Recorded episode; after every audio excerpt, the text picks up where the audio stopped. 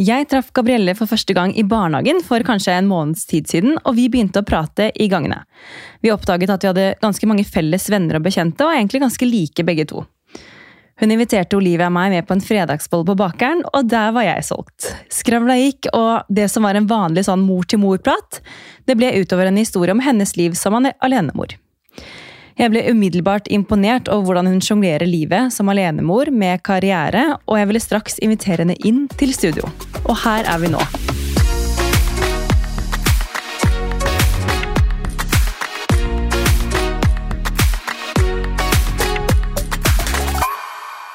Velkommen, Gabrielle. Tusen takk. Så hyggelig å ha deg her. Veldig hyggelig å være her. Og jeg må jo bare legge til at uh, du var taxisjåføren min i dag. Ja. Gabrielle kom og hentet meg, og det handlet på bakeren. Og ja, vi er like glad i Baker Hansen begge to, tror jeg. Ja, det tror jeg. Veldig god start på dagen, i hvert fall. Men de som ikke kjenner deg, Gabrielle, hvem, ja. hvem er du? Eh, ja, jeg er eh, Gabrielle Silsand. En jente fra Drammen, sånn som deg. Eh, flyttet vel til Oslo når jeg var rundt 20 og begynte å studere klesdesign på S-Mods. Og så begynte jeg å studere reklame- og merkevarebygging. Og syntes det var veldig interessant. Eh, og samtidig med studiene så jobbet jeg som champagneservitør, faktisk. På et av utestedene i Oslo. Som jeg elsket. Eh, veldig god jobb eh, relatert til studier. Du jobbet på kveldstid, studerte på dagtid. Helt perfekt løsning for meg. Eh, og etter det så begynte jeg å jobbe på et annet utested eh, med markedsføring og sosiale medier. Og jobbet der noen år. Og så kom jeg i kontakt med Red Group, der jeg jobber nå i den dag i dag. Der har jeg vært snart i tolv år. Og er i dag salgssjef og partner. Og vi driver jo en del restauranter, utesteder, eh, eventlokaler og nå har vi tatt over driften av et sted på fjellet, så det er veldig mye forskjellig. Møter masse, masse mennesker, um, og elsker det. Hverdagen er forskjellig fra dag til dag. Det er alt fra beauty-eventer til lanseringer, kickoff, store bedrifter. Um, ja, masse forskjellig, egentlig innen markedsføring og salg. Og stortrives. Så Ganske det... imponerende. Det har vært så mange år eh, jobbet med det samme. Ja. Det er eh, Ja, det har blitt noen år der nå, og jeg, eh, jeg elsker det. Det er eh, Det gir meg masse. Jobber med masse forskjellige hyggelige mennesker. Møter utrolig mye med nye mennesker. I alle mulige type Type kulturer og ja, bransjer. bransjer. Ja. Så det er veldig givende.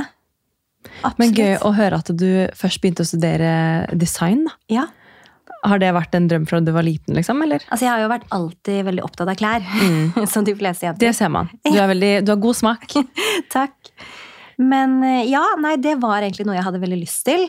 Eh, og så er det jo veldig tøft å slå gjennom i det markedet, i hvert fall i Norge. Og du skal ha en god egenkapital for å kunne gjøre det, for å stå på dine egne ben.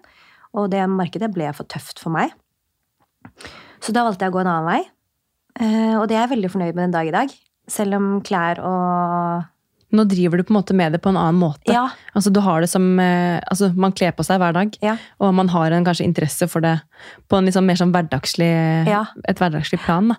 Men har du på en måte, har, ligger liksom den drømmen om å bli designer litt sånn bak der, eller er du fornøyd med å Nei, den gjør ikke det nå lenger. Men, eh, men, det, er en, altså, det er jo en lidenskap og en hobby også. Alt som har med klær og design og jeg er vel litt over gjennomsnittet opptatt av det. det, er, det, er, vi begge. Men, eh, men sånn som venninnegjengen din og vennene dine, hvordan tror du de beskriver deg som person?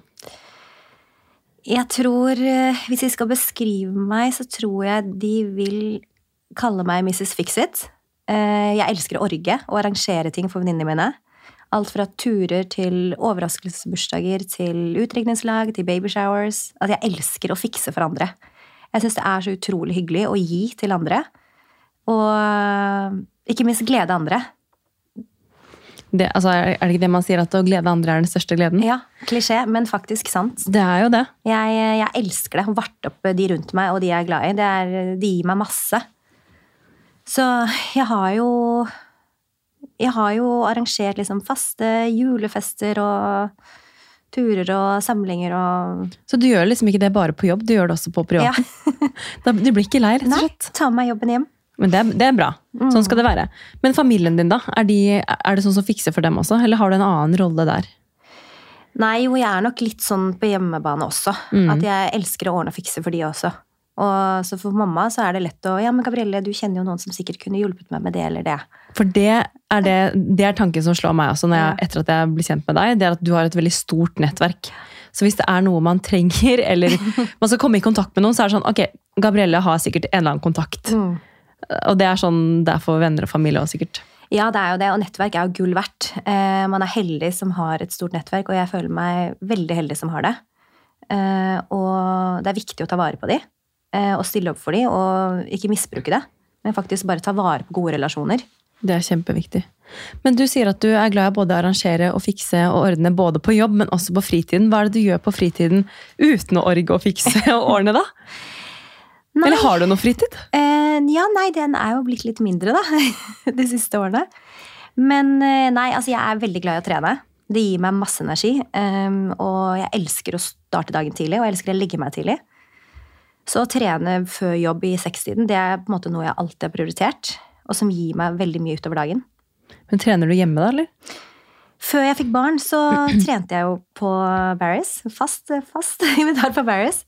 Nå har det vært litt vanskelig med tanke på korona og pandemien og sånn. Da har det blitt mye hjemmetrening. Eh, Jeg var jo så heldig for at vi fikk låne sånn refleksspeil av Sats. Ja. Så da ble det jo mye Genialt. trening på stuegulvet. Funker det bra? Ja, det funket veldig, veldig bra. Og ikke minst med en liten baby, så var det bare å legge hun ved siden av meg og fokus på trening. Genialt, da. Mm. Jeg har liksom bare sett det på Insta, men jeg har på en måte aldri det er jo ganske, altså Skal du gå til innkjøp av det, så er det ganske dyrt, det speilet her. sant? Ja, men du må da på en måte veie det opp for at om du ikke får gått på treningsstudio og betalt Nettopp. en månedlig avgift der, så investerer du i det speilet, og så må du jo da være flink til å på en måte benytte Bruke deg av det det Det er det, tilbudet. ja. Bruke det. Altså, Jeg har jo lastet ned den der, hva den heter, Mantra-appen. Eller Ja. eh, er det det det heter? Mantra. Nei, ikke Mantra. Det er satt sin egen app. du vet. Når jeg ikke engang husker hva den heter, så skjønner jeg at jeg ikke har brukt den så ofte. Men de har jo lansert en ny app. um, kanskje ikke så ny lenger, men hvor de har liksom masse gruppetimer og sånn. Ja, Så den eh, burde alle de er implementert på det speilet. Okay. Så du kan jo velge et hav av forskjellige treningstimer. Genialt, da. Så sånn sett, hvis man ikke får tiden til å strekke til i hverdagen, så er jo det speilet absolutt helt Da har du liksom instruktøren hjemme i Ja. stua, da. Og heller ingen unnskyldning Genialt. for ikke å trene. Nei, det, oh, fy søren. Det kjenner jeg på. Det er litt sånn, Den dørstokkmilen noen ganger, den er, den er seig, ass. Men du, Gabrielle, du er jo her i dag for at vi skal snakke om eh, deg som alenemor, egentlig. Ja. Eh, og litt sånn respekt da, for både barnefar og datteren din sin historie, så tenker jeg at det her blir en prat mellom deg og meg, og dine erfaringer som alenemor. Eh, og jeg kommer ikke til å gå noe inn på relasjonen din med han. Nå vet jeg Det har kommet inn en del spørsmål fra lytterne også, men jeg tenkte bare det var greit å si det i starten av episoden. Um, og sånn jeg har forstått det, så gikk du da gjennom graviditeten alene. ja. Kan ikke du fortelle litt om det? Jo. Eh, det var eh, Altså, det var en fin opplevelse, både på godt og vondt. Eh, det er jo selvsagt tøft å gå gjennom noe sånt alene, for man vet jo ikke helt hva man går til eh, når det er første graviditet.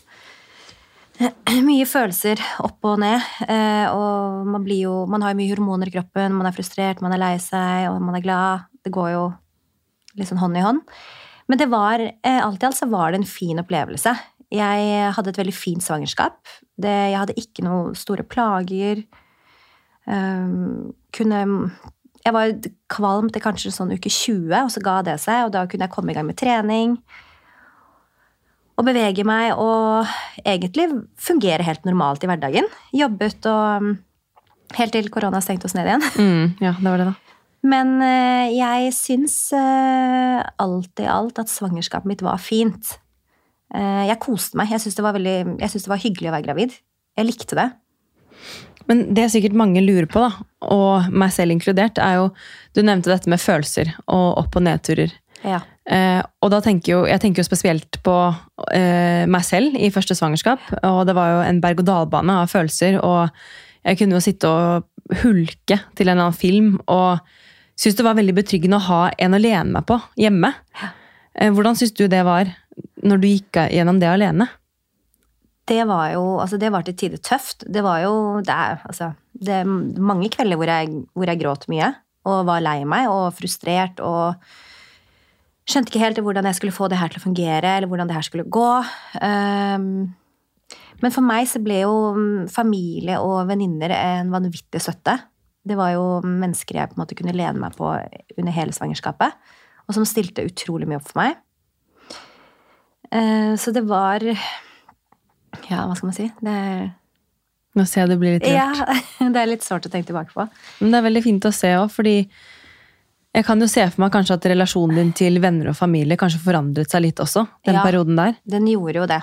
Og det har den vel egentlig Det har vel egentlig vært sånn siden. At man har et, fått et vanvittig sterkt bånd til mine nære venninner og familie på en helt annen måte. For de ble jo på en måte min skulder å gråte på. De ble, ble mine støttespillere da, når man ikke har en annen person man kan dele de her som du sier, de følelsene Opp- og nedturene. Mm. Så det mm, Så det var uh, Du fikk på en måte en partner i de. Ja, jeg fikk på en måte det. Men hva, var terskelen din lav til å ta kontakt med de, eller følte du at du Var du flink til å bruke de? Nei, jeg var ikke det. Og hvis man spør mine venninner, så vil nok de også si at jeg er en person som svært lite ber om hjelp eller kommer til de når jeg har det tøft eller har det kjipt.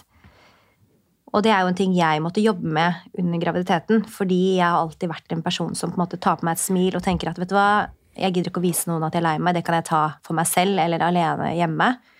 Eh, Her bare tar jeg på meg maske og later som at ting går bra. Men eh, under den graviditeten så skjønte jeg at her må jeg faktisk bare si til de som står meg nærmest, at jeg har det ikke bra, eller jeg har en tøff dag, eller jeg er lei meg. Ting er vanskelig. Så jeg tror mye av meg har endret meg etter jeg ble gravid. Jeg tror at det, terskelen for at jeg skal fortelle at ikke jeg har det så bra, eller at ting ikke er som det skal, og at ting er tøft, eller at jeg sliter med ting Jeg tror den terskelen har blitt mye lavere. Det er litt fint òg, da. fordi Ja. altså, nå har jeg bare kjent deg en måned, ish. Eh, men du slår meg jo veldig som en person som Som du forklarte selv innledningsvis òg, du er den som fikser ting. Eh, og både for deg selv og for andre. Altså sånn, du, du bare får ting til å gå rundt. da. Eh, og da, det er litt sånn Jeg kan kjenne meg litt igjen selv. At man bare Man vil ikke være til bry for noen. Og man vil bare liksom vise at det, dette her nailer jeg, på en måte. Og, men det er jo ikke noe nederlag heller å gå gjennom ting og be om hjelp. Nei, overhodet ikke. Absolutt ikke. Det er viktig å be om hjelp. eh, Og alle ber om hjelp. Og det er ikke noe flaut eller eh, teit å, eh, å spørre andre rett ut. Kan du hjelpe meg med det her? Eller nå trenger jeg deg. Nå trenger jeg at eh, du stiller opp for meg, eller at du kommer til meg, eller at jeg kan snakke med deg om det her. Og der har jeg vært kjempeheldig som har så mye gode venninner i livet mitt. eh, Som har hjulpet meg veldig mye i denne her perioden. Hva er jeg- typisk liksom, situasjonen hvor du har spurt om hjelp, da? Det kan, det kan være når jeg har vært utrolig sliten eller er frustrert, eller bare tiden strekker ikke til. Eller jeg føler at jeg ikke klarer å levere som jeg skal. Eller at det er noe jeg må. Og til tider kanskje har tatt på meg for mye ting uten å tenke nøye nok gjennom det. At jeg kanskje kan si ja til for mye. Eh, og så sitter jeg igjen etterpå og tenker at ok, men jeg har en jobb, og så har jeg en baby, og så skal jeg egentlig ordne den babyshoweren, så skal jeg ordne den bursdagen, og så skal jeg Altså, det blir, altså, det blir for mye, rett og slett. Du har lyst til å Du har, du har, veldig, du har nok veldig stor kapasitet. Ja. Og så har jeg veldig lyst, ikke sant? men så er det bare ikke alltid det går. I know. Men uh, du sier at du, uh, du fikk på en måte et annet bånd med venninnene dine. Um, følte du at du um, Altså, Gikk du gjennom graviditet Var, var det noen andre av venninnene dine som var gravide samtidig? Ja, Ja. det var det. Uh, og det var jo veldig hyggelig, for da hadde vi den opplevelsen sammen. Og den reisen var jo fantastisk, stort sett. Og det var veldig hyggelig å kunne dele det med gode venninner. Man har jo tusen spørsmål, og man kan spørre hverandre opp og ned om de rareste ting, og plutselig så ligger man klokken fire på natten og scroller fordi du ikke får sove, og du bare 'Ja, hvordan går det med deg? Ja, hva har du? Ja, nå er det noe bevegelse. Nå er det sånn eller sånn.' Eller ja, Det var mye, mye rare tekstmeldinger som kom til hverandre på natterstid. Det er hyggelig. ja. Altså, jeg husker at jeg, jeg hadde liksom ingen jeg kunne tekste med. Eh, fordi det var ingen som gikk gjennom det samme Ja. samtidig. Men jeg husker at jeg hadde en, eh, en venninne, eller en jeg ble veldig godt kjent med i etterkant. da. Ja. Og jeg husker at jeg syntes det var så godt å ha en å prate med. liksom, ok, eh, Fordi hun, datteren hennes og Olivia er like gamle. altså Ja. sånn Bare under en uke mellom.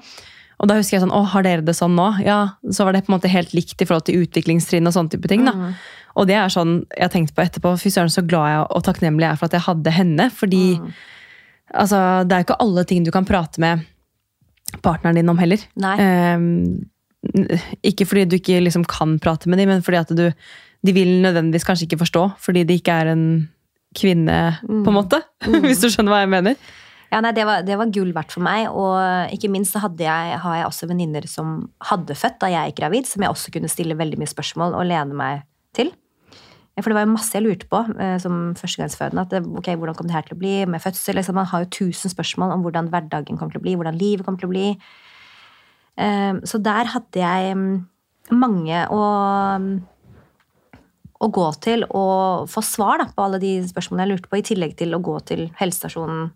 Fordi Ja, Det lurte jeg litt på, hvordan eh, på en måte helsestasjonen på en måte ivaretok deg som alenemor, gravid. Ja, jeg eh, syns de gjorde en veldig god jobb. Det var jo korona, så ting var jo litt strengere på den tiden. Men jeg var nesten hver andre eller tredje uke hos min helsesøster. Og det er jeg veldig takknemlig for, fordi hun ble på en måte som en samtaleterapeut eller en psykolog for meg. En vanvittig støtteperson under hele min graviditet, som jeg er veldig takknemlig for. Kanskje godt å prate med noen som er litt sånn utenforstående Ja, også. som ikke kjenner meg, men Ja. samtidig eh, vet, altså vet hva jeg går igjennom. Men hun har sikkert coachet veldig mange andre og hjulpet de gjennom den samme prosess som jeg har vært gjennom.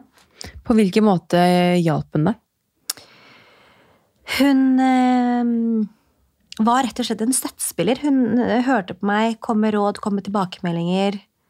Øh, bare var til stede og stilte opp. Du følte deg trygg Ja, der? jeg følte Mm. meg veldig godt ivaretatt. Og ehm, ikke minst så skjønte hun at jeg liksom til tider syntes ting var skummelt og vanskelig.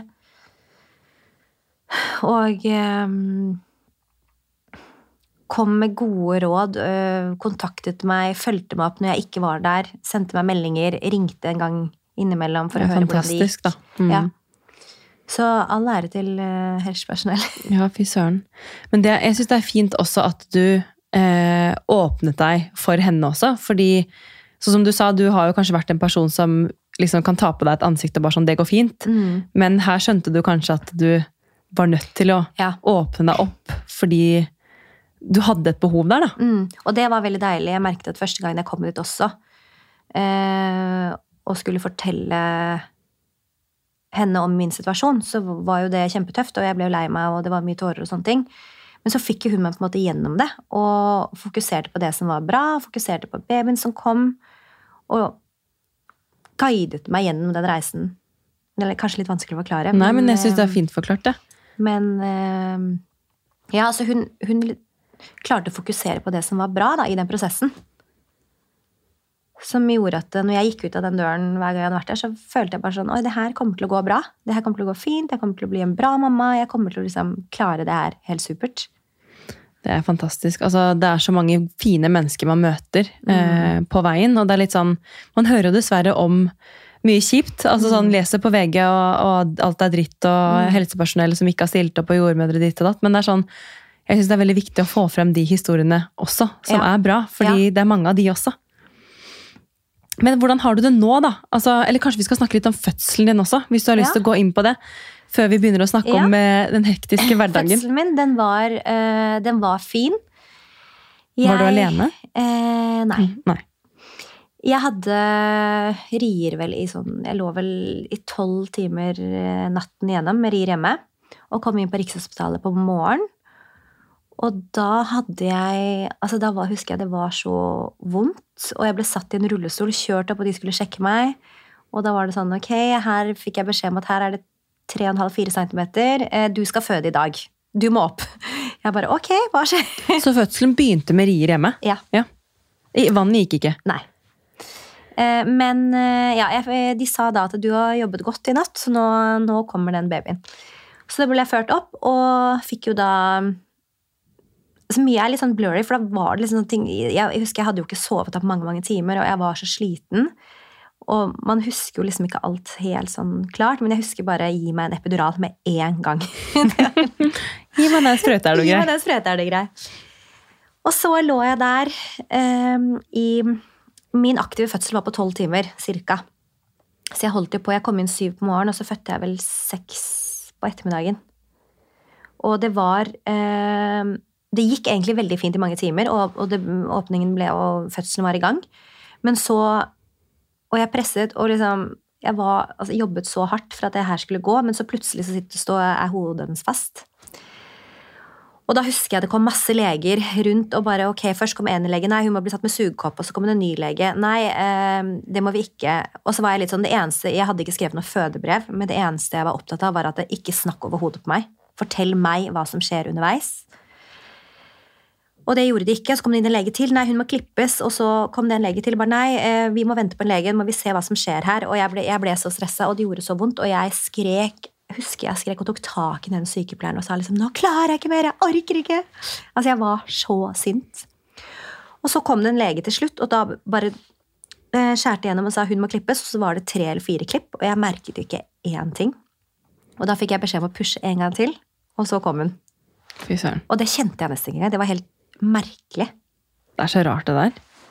Det var veldig, veldig, veldig rart. Og så sier de liksom 'Vil du ha en på brystet?' Jeg bare 'Selvfølgelig vil jeg ha en opp'. Og da hadde jeg for kort navlestreng, så hun lå liksom ned på magen min. Og så ble jeg liksom, ok, hvorfor løfter du den ikke opp til meg? Jeg lå, lå så ned på henne, og jeg syntes det var så rart. Så sier de nei, hun har for kort navlestreng, vi må vente sånn at hun får det nødvendige. Det skal Fra man Ja. Mm, fra morkaken.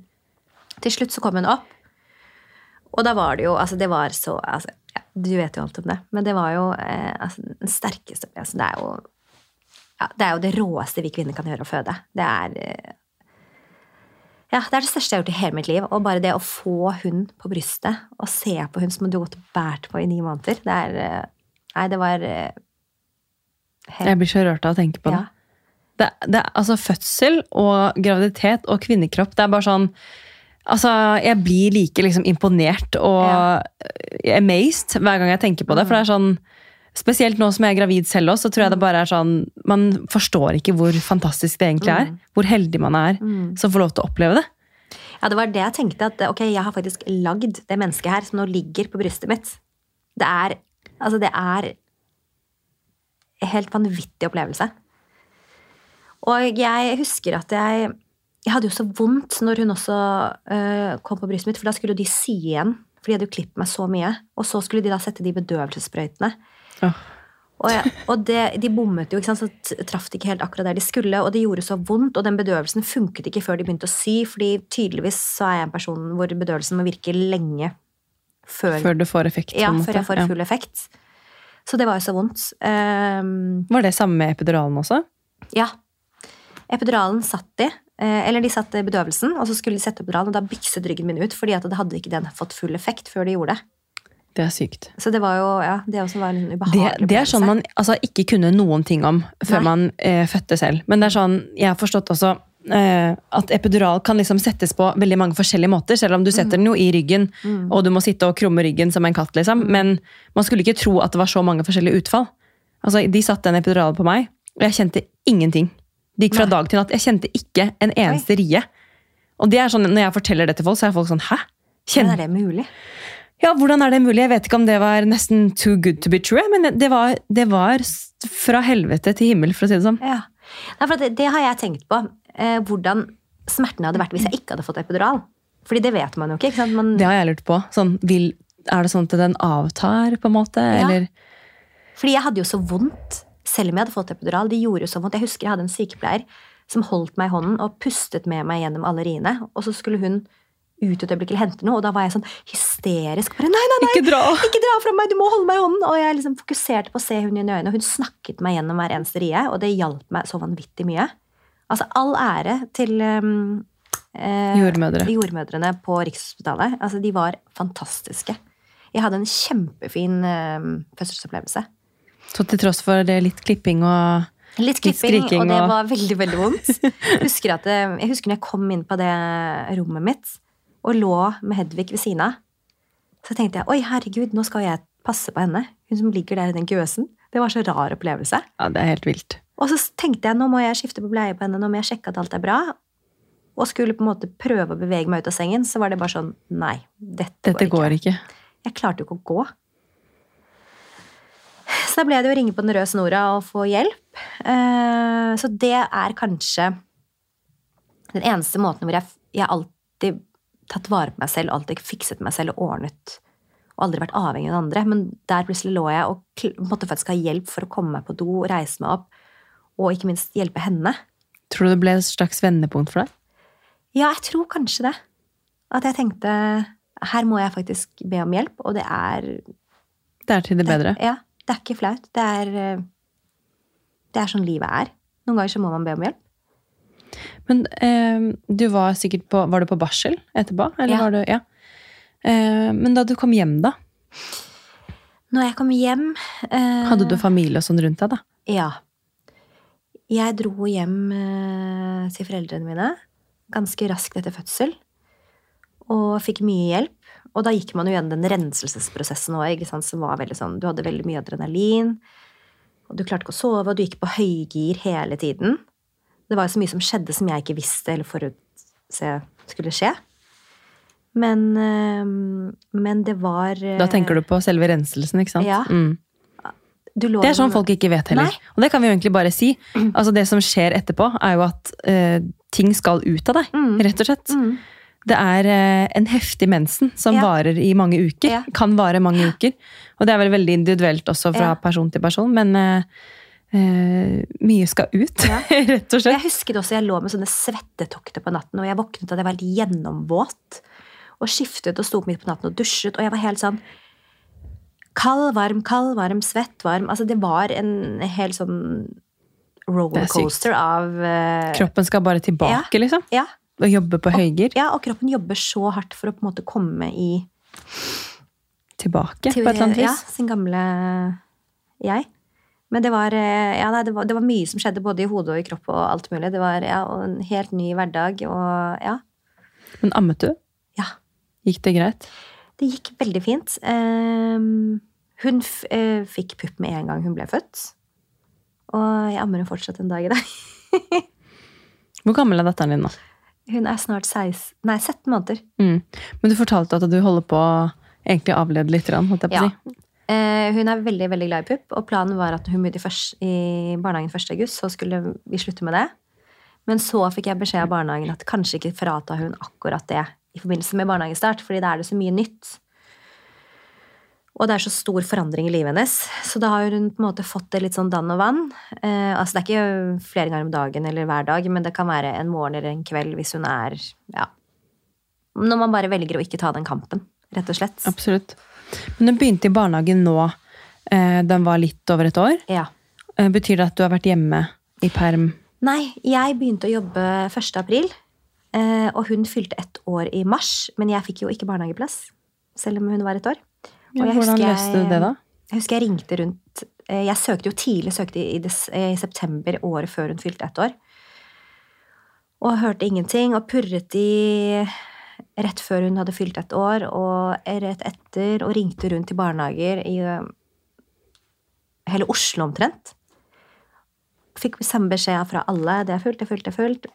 Mest sannsynlig så får du eh, plass fra 1. august. Så jeg var sånn, ok, hva gjør jeg da? Jeg må tilbake på jobb. Jeg har ikke råd til å gå ulønnet. Jeg har ikke råd til å være hjemme med henne. Så heldigvis så har jeg jo foreldre som, som har stilt opp masse for henne og for meg. Så det jeg gjorde da, var at jeg pendlet med henne til mamma og pappa i Drammen hver dag. Fra 1. april til 1. juli. I tre måneder? Ja. Ja, det, er ikke, det er jo ikke veldig lang vei til Drammen, egentlig. Men det er jo alt rundt, da. Ja, Logistikken, den- planleggingen, ja ikke sant? Ikke minst. stresset. Noen ganger sov hun jo kanskje over der en natt eller to, og så dro ikke jeg til de etter jobb. Eh, Det skjedde jo innimellom, men det som jeg slet mest med, var vel egentlig dårlig samvittighet, fordi at hun satt så mye i bil. Og til tider så var det jo mye kø. Skulle du dit en torsdag eller en fredag, så satt du ofte i kø. enn den ene eller den andre veien. Så, men Det måtte jeg, bare bli ja, sånn, da. Jeg hadde ikke noe valg for å få den kabalen til å gå opp. Så måtte, var det den eneste løsningen. Og um, jeg husker jeg undersøkte med dagmammaer og privat eh, barnepass, hvor man ofte har liksom to eller tre barn sammen. Altså jeg, jeg, følte at jeg undersøkte alle mulige alternativer. Men du fant ingenting? Nei. Og så ble jo mye av det var jo dyrt òg, ikke sant. Det var jo, du får jo støtte. Man får jo en kontantstøtte når man ikke har barnehageplass, men det er jo ikke en brøkdel engang av hva man skal betale Det dekker ikke en dagmamma, liksom. i en måned. Ikke nærheten. Så jeg var kjempeheldig som hadde mamma og pappa som kunne passe henne hver, hver dag. Ja, fy søren. Det eh, det er fint å høre. Ja. Så da pendlet du da i tre måneder, og så var det sommerferie? Ja. Og så begynte du nå etter ferien. ja. Hvordan har det gått med barnehagestart, da? Du, barnehagestart har gått over all forventning. Bortsett fra at vi spiser boller på fredager Ja. og Det er lov. andre dager. Nei, barnehagestart. Jeg var, ehm, jeg var eh, veldig spent på hvordan det kom til å bli, men samtidig så har jeg hatt hun med både på minisats mye, sammen med andre barn, og det har hun likt veldig godt. Og jeg har jo som sagt ehm, tre nære venninner med, med barn som jeg har tilbrakt mye av eh, permisjonen min med. Og vi var så mye sammen i sommer, så hun er jo vant til å være rundt andre barn. Og er en veldig sosial baby. Blir som mor, vet du. Ja. For det er jo en sånn ting eh, Jeg har jo alltid hatt henne med fra hun var nyfødt. Hvor enn jeg skal, så har jeg jo alltid hatt henne med. Så hun er nok vant til å omgås mye mennesker og møte nye mennesker hele tiden. Og i sommer så dro jeg også mye i barnehagen før hun startet, for å leke i barnehagen, som at hun skulle gjøre seg kjent og trygg på den Ja, plassen. smart. Mm. Sånn at ikke det var eh, et helt ukjent sted 1. august, når hun skulle møte opp der. At ok, hva er det her, hvor er jeg nå? Men hun visste da om at husken er der, sklien er der, her er sandkassa. Hun var trygg da, på, um, på stedet. Så det gikk, eh, det gikk kjempefint. Jeg tror allerede uke Første uken var jo litt sånn soft, men allerede fra uke to så var hun der fra ni til tre hver dag. Det er kjempebra, da. Men da har du, gjort, altså, du har gjort god research òg, da. Ja. Det tenker jeg sånn, jeg husker vi også eh, Vi bor jo begge to ganske nærme barnehagen. Jeg husker vi også var innom barnehagen en del ganger, bare sånn for å liksom Her skal du begynne, liksom. ja. Eh, og de er jo små, men de skjønner jo mer enn det ja. vi tror. Eh, og de også, jeg vet ikke om eh, du fikk det, men jeg mener jeg fikk sånn skriv på liksom rutinen i barnehagen. Det fikk Ja. jeg liksom før sommerferien. Ja. Så vi begynte jo å kjøre henne inn på de rutinene. Ja. Eh, sånn at når hun begynte i barnehagen, så var det sånn Ok, men du er vant til å spise ti. Du er vant til å sove 11-12. Altså sånn, det er liksom Ingenting er nytt, bortsett fra selvfølgelig stedet og menneskene, da. Mm. Men eh, jo mindre nytt for de, jo bedre følte jeg, da. At eh, Ja, man kan ja. forberede de på det man kan. Ja, ja, og barn elsker jo rutiner. Eh, og det er kjempeviktig også. Så jeg også husker at de to siste ukene i sommerferien så var jeg veldig opptatt av at hun skulle legge seg til de tidene. Hun skulle ikke sove lenger. Hun skulle bli tatt opp sånn at hun ble trøtt. Til sånn som du sier, at de legger seg rundt 11.30 eh, og spiser andre måltid da. Og komme inn i de rutinene naturlig, da, sånn at ikke det var en sånn pangstart. Bo- ja. For da det føler jeg det blir så, blir så mye eh, Ja. endringer, da. Ja, nei, så jeg var, eh, jeg var jo hjemme med henne også de to siste ukene før barnehagestart, sånn at hun liksom skulle bare ha det helt rolig rundt seg. Gikk turer rundt ved barnehagen og prøvde å gjøre ting så enkelt som mulig, men også at hun hadde det veldig rolig rundt seg. Så jeg er, eh, jeg er kjempefornøyd med hvordan den innkjøringen har gått. Og jeg har jo allerede hatt min første sånn foreldresamtale. Gikk det fint? Du, det gikk veldig fint. Hun, eh, de sier jo at hun er supersosial, glad, eh, koser seg, leker masse, veldig glad i å være ute. Veldig glad i å leke med de større barna. Det er gøy. Leke med Olivia, vet du. Ja. Men du, er ikke det litt sånn Jeg følte det var så eh, Nå har ikke jeg vært på så mange foreldresamtaler. Det har kanskje vært bare noen få etter at vi begynte i Mhm. fjor. Men jeg husker den første liksom, samtalen. Sånn, fy søren. Da følte jeg meg voksen. ja. Var sånn, Skulle møte opp der og bare ja, sitte og prate om ungen din, liksom. ja. Det er jo helt vilt. Og neste uke skal vi på foreldremøte. Det skal vi. Det, da, da ses vi der. Ja.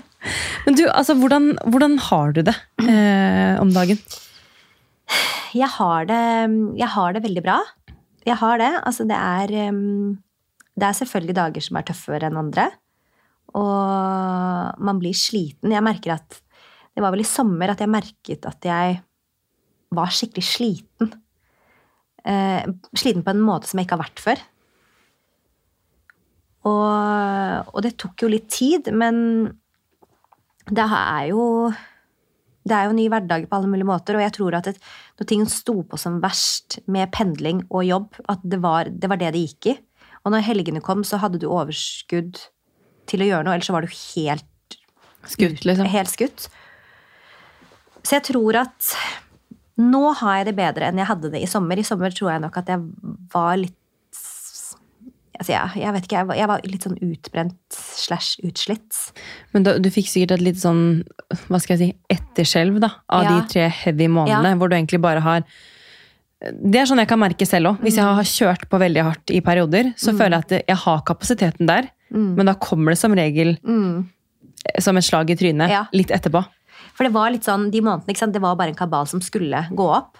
Og så bare gikk du litt sånn på automatikk. Og bare komme seg gjennom det. Kom, komme til sommeren, har vi ferie, koser oss, og så er det barnehage. Og da merker jeg at når barnehagen begynte, så fikk jeg på en måte litt tilbake den energien min. fordi da vet jeg at ok, hun er trygg der, hun har en fin dag når hun er der, og jeg går på jobb. Og blir blitt mye mer effektiv, fordi du vet at okay, du har de timene her til rådighet, og så må du dra hen til barnehagen. Eh, Miss Fixit har eh, steppet opp til point 2.0 her nå. Så, så jeg vil på mange måter si at um, vi har det veldig mye bedre nå, nå som det er bedre rutiner. Altså, rutiner er gull. Ja. Men hvordan, hvordan ser liksom en vanlig uke ut for dere? Med, altså, um, dere står opp, frokost ja, vi står opp. Altså, jeg har jo nå eh, kastet meg på det der evige matpakkekjøret som jeg blir litt sånn Ja. Man vil jo ikke være noe dårligere enn de andre mødrene. Og du har blitt der, ja. Ja. Kommer skikkelig i seg for jul. Men, Men, hva er det du smører da? Nei, altså jeg var jo veldig sånn Ok, hun skal ha to matpakker hver dag. Ok, da må Jeg har jo, står jo, har jo tatt meg selv i at det står klokken seks på morgenen og koker pasta og steker kjøttboller og koker brokkoli, liksom. For at hun skal ha varmmat til ettermåltid, og så kan det være brødskiver eller pannekaker eller banan. Der, da er du god, ass. Og så blir jeg på en måte, så har jeg prøvd å effektivisere det litt, fordi at det, sånn har det jo vært hver morgen. Og det at man, hun skal stå opp, jeg skal stå opp, hun skal ordne og spise frokost, jeg skal ordne meg, matpakkene skal smøres, og vi skal ut av døren. Og jeg skal på jobb. Og det er en sånn evig logistikk, fordi det er ikke alltid, alltid mm, Ting er- klaffer. Nei, det er ikke alltid ting klaffer. og Det er ikke, det er ikke hver morgen hun er verdens letteste å ha med å gjøre heller. Noen ganger så er det bare trass og grining, og ingenting hjelper. Så ja, altså dagene kan være hektiske, og de kan være rolige. Alt ettersom. Det er, det er litt sånn hun som bestemmer hvordan egentlig den morgenen går også, Ah, som ja. regel. Men, eh, men alt i alt så har vi funnet en fin en fin rutine og logistikk på hvordan vi legger opp dagene. Det er, og jeg prøver jo samtidig også å gjøre det mest mulig rolig for henne, så dagen starter litt soft, med tanke på at det er jo fullt kjør når de kommer i barnehagen. Eh, men Står du opp før henne, eller? Og fikser altså, deg? vi- Eller hvordan Nei, altså no, enkelte dager så har jeg rukket det. At jeg liksom lister meg opp halv syv hvis hun fortsatt sover, og bare yes! Nå rekker jeg å dusje, vaske håret og bare kle på meg før hun skal opp. Mens noen ganger så er Det det er det beste, egentlig, syns Ja. jeg. Føler at du er litt i forkant. Ja, litt i forkant. Ja. Det er så deilig. Mm. Men som regel så er det at hun eh, At jeg hører noe sånn seks-halv syv, så er det en sånn Mamma, mamma, mamma, mamma. Det er bare Søren, der rakk jeg ikke den. Nei, så, nei, så da er det med Nå bader hun om kvelden, så hun skal som regel ikke dusje, så hun kan på en måte kles på og spise frokost. Så er det litt sånn at man løper da, mellom badet og frokosten og matpakkene og prøver å fikse og bare komme seg ut døren. Når er det dere pleier å komme dere ut, da? Sånn rundt åtte. Ja. Det er jo ganske bra, da. Ja, men da har vi brukt to timer. Ja, Men de to, de to timene går fort, altså. Altså, de går sånn. Det er helt sykt. Ja. Og de timene når man kommer hjem også. Altså, Ja, det er jo I starten, så hentet jeg henne, når jeg hentet henne klokken tre, så var de, det var tre tøffe timer fra tre til seks. Da var hun sliten, mye inntrykk, mye som har skjedd, og jeg var sliten. Og du, du skal lage middag, og du prøver å på en måte legge det best mulig til rette for henne, men så skjønner jeg, i hvert fall sånn, I starten så skjønte jeg ikke helt liksom, hva man skal gjøre heller. Orker hun å finne på masse? Skal jeg aktivisere henne, eller vil hun på en måte sitte og se en halvtime på Fantorangen eller Fantus eller hva enn? Altså, hva er det som Hva er det de vil? Ja, det to, jeg føler at jeg brukte litt tid på å måte sette seg litt inn i hennes Hva hun hadde lyst til, på en måte. Jeg merker i hvert fall veldig nå jo, Jeg husker ikke helt hvordan det var i fjor, men eh, jeg husker i hvert fall at det var mye inntrykk sånn i starten. Mm. Eh, at hun var mye sliten og kunne sovne på sofaen. og sånn. Eh, men nå er det ofte sånn når hun kommer hjem, da vil hun se på barne-TV. Mm. Og det er jo egentlig litt digg, fordi da kan hun se på det, så kan jeg lage middag, og så kan vi spise, og så prøver jeg ikke å ha noe skjermtid etter det. Mm. For da føler jeg sånn Det er jo best for altså sånn, Mm. både voksne og barn å ikke se så mye på skjerm før man skal sove. Um, men liksom, noen ganger så har man jo tenkt sånn Å, herregud, er det dumt at du ser på barne-TV og ditt og datt? Men det er sånn, vet du hva, de lærer jo sykt mye av den barne-TV nå. Så jeg Ja. tenker at eh, jeg, jeg blamer ingen som setter på barne-TV. Jeg syns det er helt en reddende engel eh, for å få ting til å gå rundt, faktisk. Mm. Og jeg husker jeg var sånn også, at bare nei, hun skal ikke se masse på skjerm, hun skal ikke ha skjermtid. Og var veldig sånn anti det. Ja, også var det. Mens nå har jeg bare snudd totalt om og tenker at vet du hva, hvis jeg skal komme hvis jeg skal få dusjet eller hengt opp den vasken eller gjøre de her tingene som bare jeg må gjøre, så må hun sitte i den stolen og se en halvtime eller en 20 minutter på de tingene i løpet av en dag. Det altså, det kan mye. være ti minutter her, ti minutter der. Men, men jeg er faktisk Altså, det er liksom et nødvendig hjelpemiddel for meg for å, Ja. for å få For å bare få gjort det jeg må. Det skjønner jeg. Eh, og selvfølgelig på ettermiddagen så er det jo deilig for de å kunne bare roe ned i sofaen og se på et eller annet. Sånn som du sier, så Mm. lager man middag. Og etter det så har heller ikke jeg så mye skjermtid, fordi da skal man bade, og så skal man pusse tenner, og så skal man liksom kose og bare roe seg litt ned før hun sover. Så det er jo Hun har en fin rutine fra barnehagen nå når jeg henter rundt halv fem-fem. Mm. Det er perfekt. Mm. Det eneste jeg har kjent litt på, som jeg snakket om litt i den podden her tidligere òg, er jo litt sånn Noen ganger så syns jeg det er vanskelig å eh, fordi når man henter, så er de ofte litt sånn slitne. Kanskje blodsukkeret er litt lavt. Og da har jeg liksom slitt litt med sånn Hvis man gir en halv banan, da, eller man gir noe da, så er det ofte sånn ja, men da gidder hun ikke å spise når vi kommer hjem. Mm. Eh, og hvis jeg ikke gjør det, og vi kommer hjem, så gidder hun ikke å spise da heller, for da er det bikket over.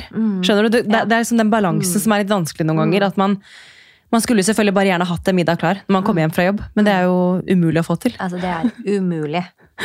Jeg er jo Altså, når jeg henter rundt halv fem, så er det jo ofte også at jeg triller ned i butikken. Og har med henne inn i butikken for å kjøpe mat. For det er ikke alltid jeg rekker å handle på vei fra jobb Nei, til gjør du, altså, Pleier du å handle hver dag, liksom? Eller hvordan gjør du det? Ikke hver dag. Eh, absolutt ikke. Men jeg prøver å planlegge og legge opp til hvilke middager, hvilke dager vi er hjemme, skal vi noe annet, eh, hva skal vi spise da, og samtidig også med tanke på matpakker. Altså, du må jo pla altså, alt er jo bare planlegging. Men eh, de dagene jeg har eh, trillet hun ned butikken, så da er det jo, når du kommer inn i butikken, da skal hun ha alt mulig og slå seg vrang og legge seg på gulvet og liksom Ja, da er det jo null til 100. Mm. Så det er, det er jo selvfølgelig ikke optimalt å gjøre, men noen ganger så, så må man bare gjøre det. Fordi Man kan jo ikke bestille Foodora hver dag, liksom. Nei, man kan ikke det. Og du, du sitter jo på jobb lengst mulig For å bli ferdig med ting for før å bli ferdig med ting før du skal dra og hente i barnehagen. Og for, når du henter i barnehagen, så, så går jo kvelden Det er jo utrolig hvor liten tid man egentlig får med dem. Ja. Man får Sånn- liksom, du har to timer da, på ettermiddagen. Men når hun har lagt seg, eh, hvordan er du altså, Føler du da at du har masse du må fikse, eller er det sånn 'nå går jeg og legger meg', eller hva?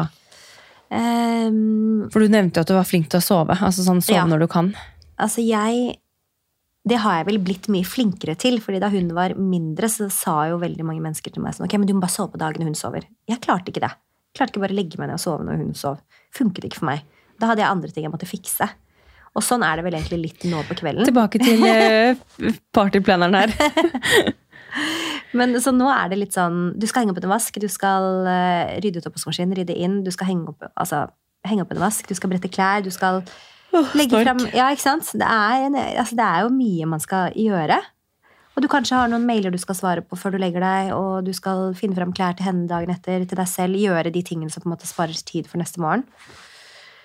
Eh, Men så har jeg blitt veldig flink til å legge meg tidlig. Fordi jeg vet aldri når hun våkner, har jeg lært. Så, så det kan være alt fra at man legger seg klokken åtte eller klokken ti. Selv om noen ganger så frister det mer å bare ligge i sofaen og se på Netflix. Men jeg vet bare at eh, Det er bedre for meg å sove. det er bedre for meg å sove. Da blir det en bedre dag dagen Ja, etter. det er akkurat det. Og det er sant, da, man vet jo aldri når de liksom plutselig, plutselig blir syke, da. Bank i bordet. Eller uh, har en våkenatt. Eller altså sånn, hva skjer? Mm. Du vet jo ikke. Ja, nei, det er eh, sånn som i dag, så startet hun dagen klokken fem. Og jeg var jo smart og la meg klokka ni i går. Så det er litt sånn Man vet jo aldri. du, sovner du ni da? Ja, jeg brukte nok litt tid på å sovne. Det tok nok litt tid. Men uh, jeg var veldig glad for det i dag. Mm. Når hun begynner å skrike klokka fem. Ja, Da er det digg å ha sovet fra ni. Ja. Men du, du nevnte litt i stad at du var flink til å spørre eh, venner og familie i graviditeten Mm. om hjelp og støtte. Har du vært flink til å spørre om hjelp eh, når datteren din etter at hun ble født? Altså sånn, og spesielt nå, da, hvor hverdagen er mer hektisk, og du jobber og hun er i barnehage. Ja, altså nå føler jeg at eh, jeg trenger ikke like mye hjelp som jeg trengte da, nå som hun er i barnehage. Men jeg er flink til å spørre mm, Spørre mamma og pappa om hjelp når jeg trenger det. Eh, Og de sier jo alltid ja. Og jeg vet jo at jeg alltid kan få hjelp. Så det behovet har ikke vært like sterkt nå som det var tidligere. Men da, jeg, eh, da hun var baby, så bestemte jeg meg for å totalrenovere en leilighet. Og da skulle gjøre alt på en gang. Da kjente jeg at ok, kan du komme og bare sitte med henne, eller trille hun en tur, eller kjøre og hente det for meg, eller levere det? Altså alle de små tingene for å bare liksom få alt til å gå. Lette litt på trykket, rett og slett. Ja. Da var jeg veldig flink, og, jeg vet, og det er veldig mange rundt meg som også sier spør meg, spør meg hvis du trenger noe, hva kan jeg gjøre, hjelper deg. Og jeg vet at jeg har det tilbudet. Men øh, jeg kvier meg, jeg kvier meg litt for å spørre også. For det, ligger, det, ikke, liksom, det ligger ikke helt i min natur å be mye om hjelp. Du fikser jo ting selv, ikke sant? Ja. Men øh, det er noe jeg jobber med, og jeg vet at øh, jeg må bli flinkere til det. Det er litt sånn som vi snakket om i bilen på vei ned hit, at Mm. Um, jeg tenkte jo på det bare jeg, enn at jeg ikke liksom er en nær venn av deg. Vi har jo på en måte først blitt kjent nå, den siste måneden. Men da du fortalte meg liksom om din situasjon, da, da vi hang på bakeren for noen yeah. uker siden, så tenkte jeg bare sånn, hallo, hvordan kan jeg hjelpe deg? Ja. Hva kan jeg gjøre?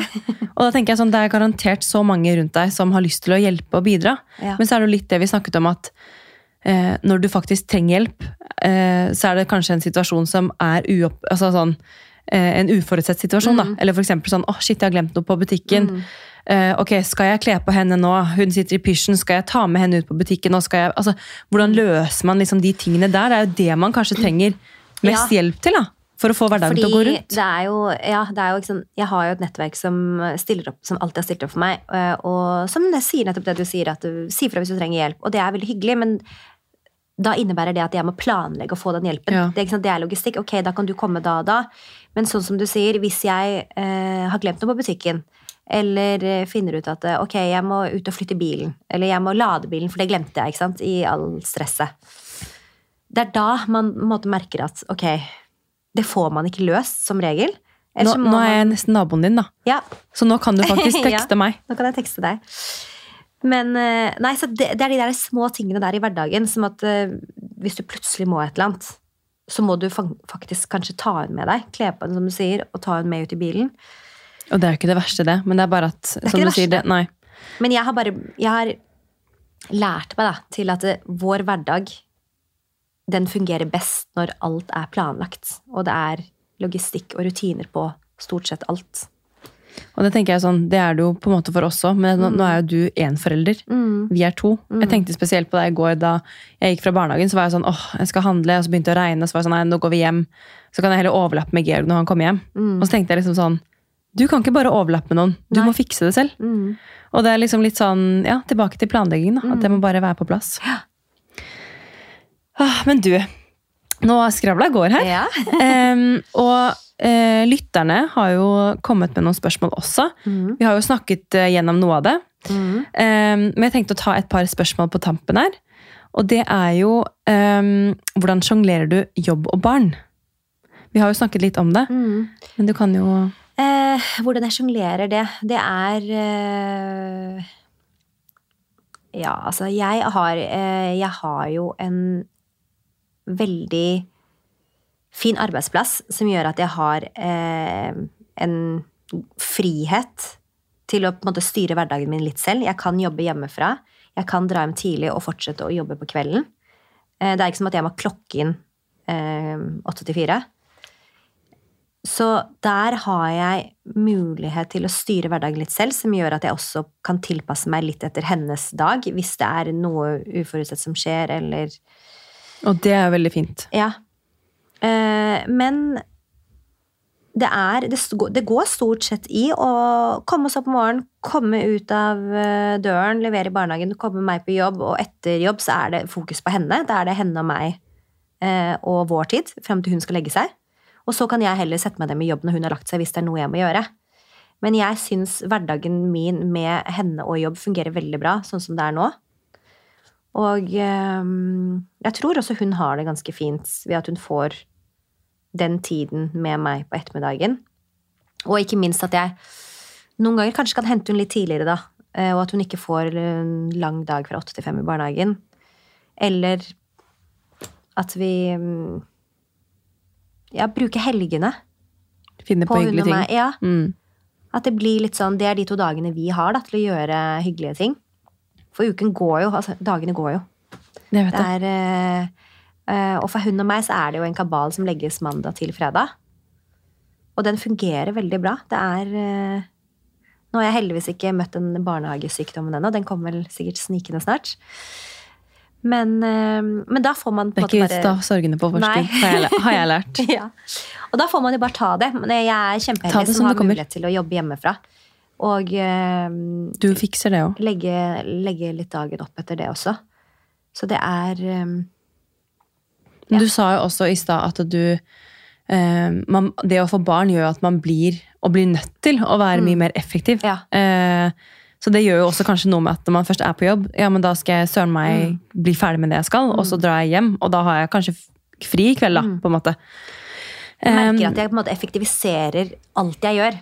At det er litt sånn, jeg tenker ok, nå leverer jeg barnehagen, så skal jeg innom posten og hente det, levere det, og så er det ned på jobb, og så legger du Du, altså, du er mye flinkere til å legge Ja. inn alle gjøremålene dine i løpet av en dag. Og du vet også at hvis du ikke har hund med i bilen eller i vognen, så går ting så vanvittig mye raskere. det. Så det er jo bare det å Ja, jeg merker at jeg på en måte Du er liksom ett skritt foran alltid.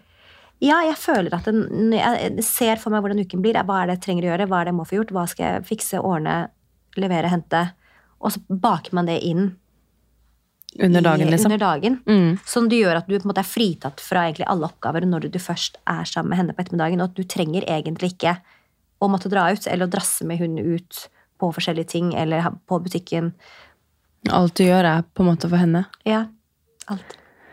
Um, det siste spørsmålet er, uh, og det har jeg tenkt er litt viktig å prate om òg, og det er en som lurer på Hun har en venninne som skal bli alenemor, og hun lurer på hva hun kan bidra med.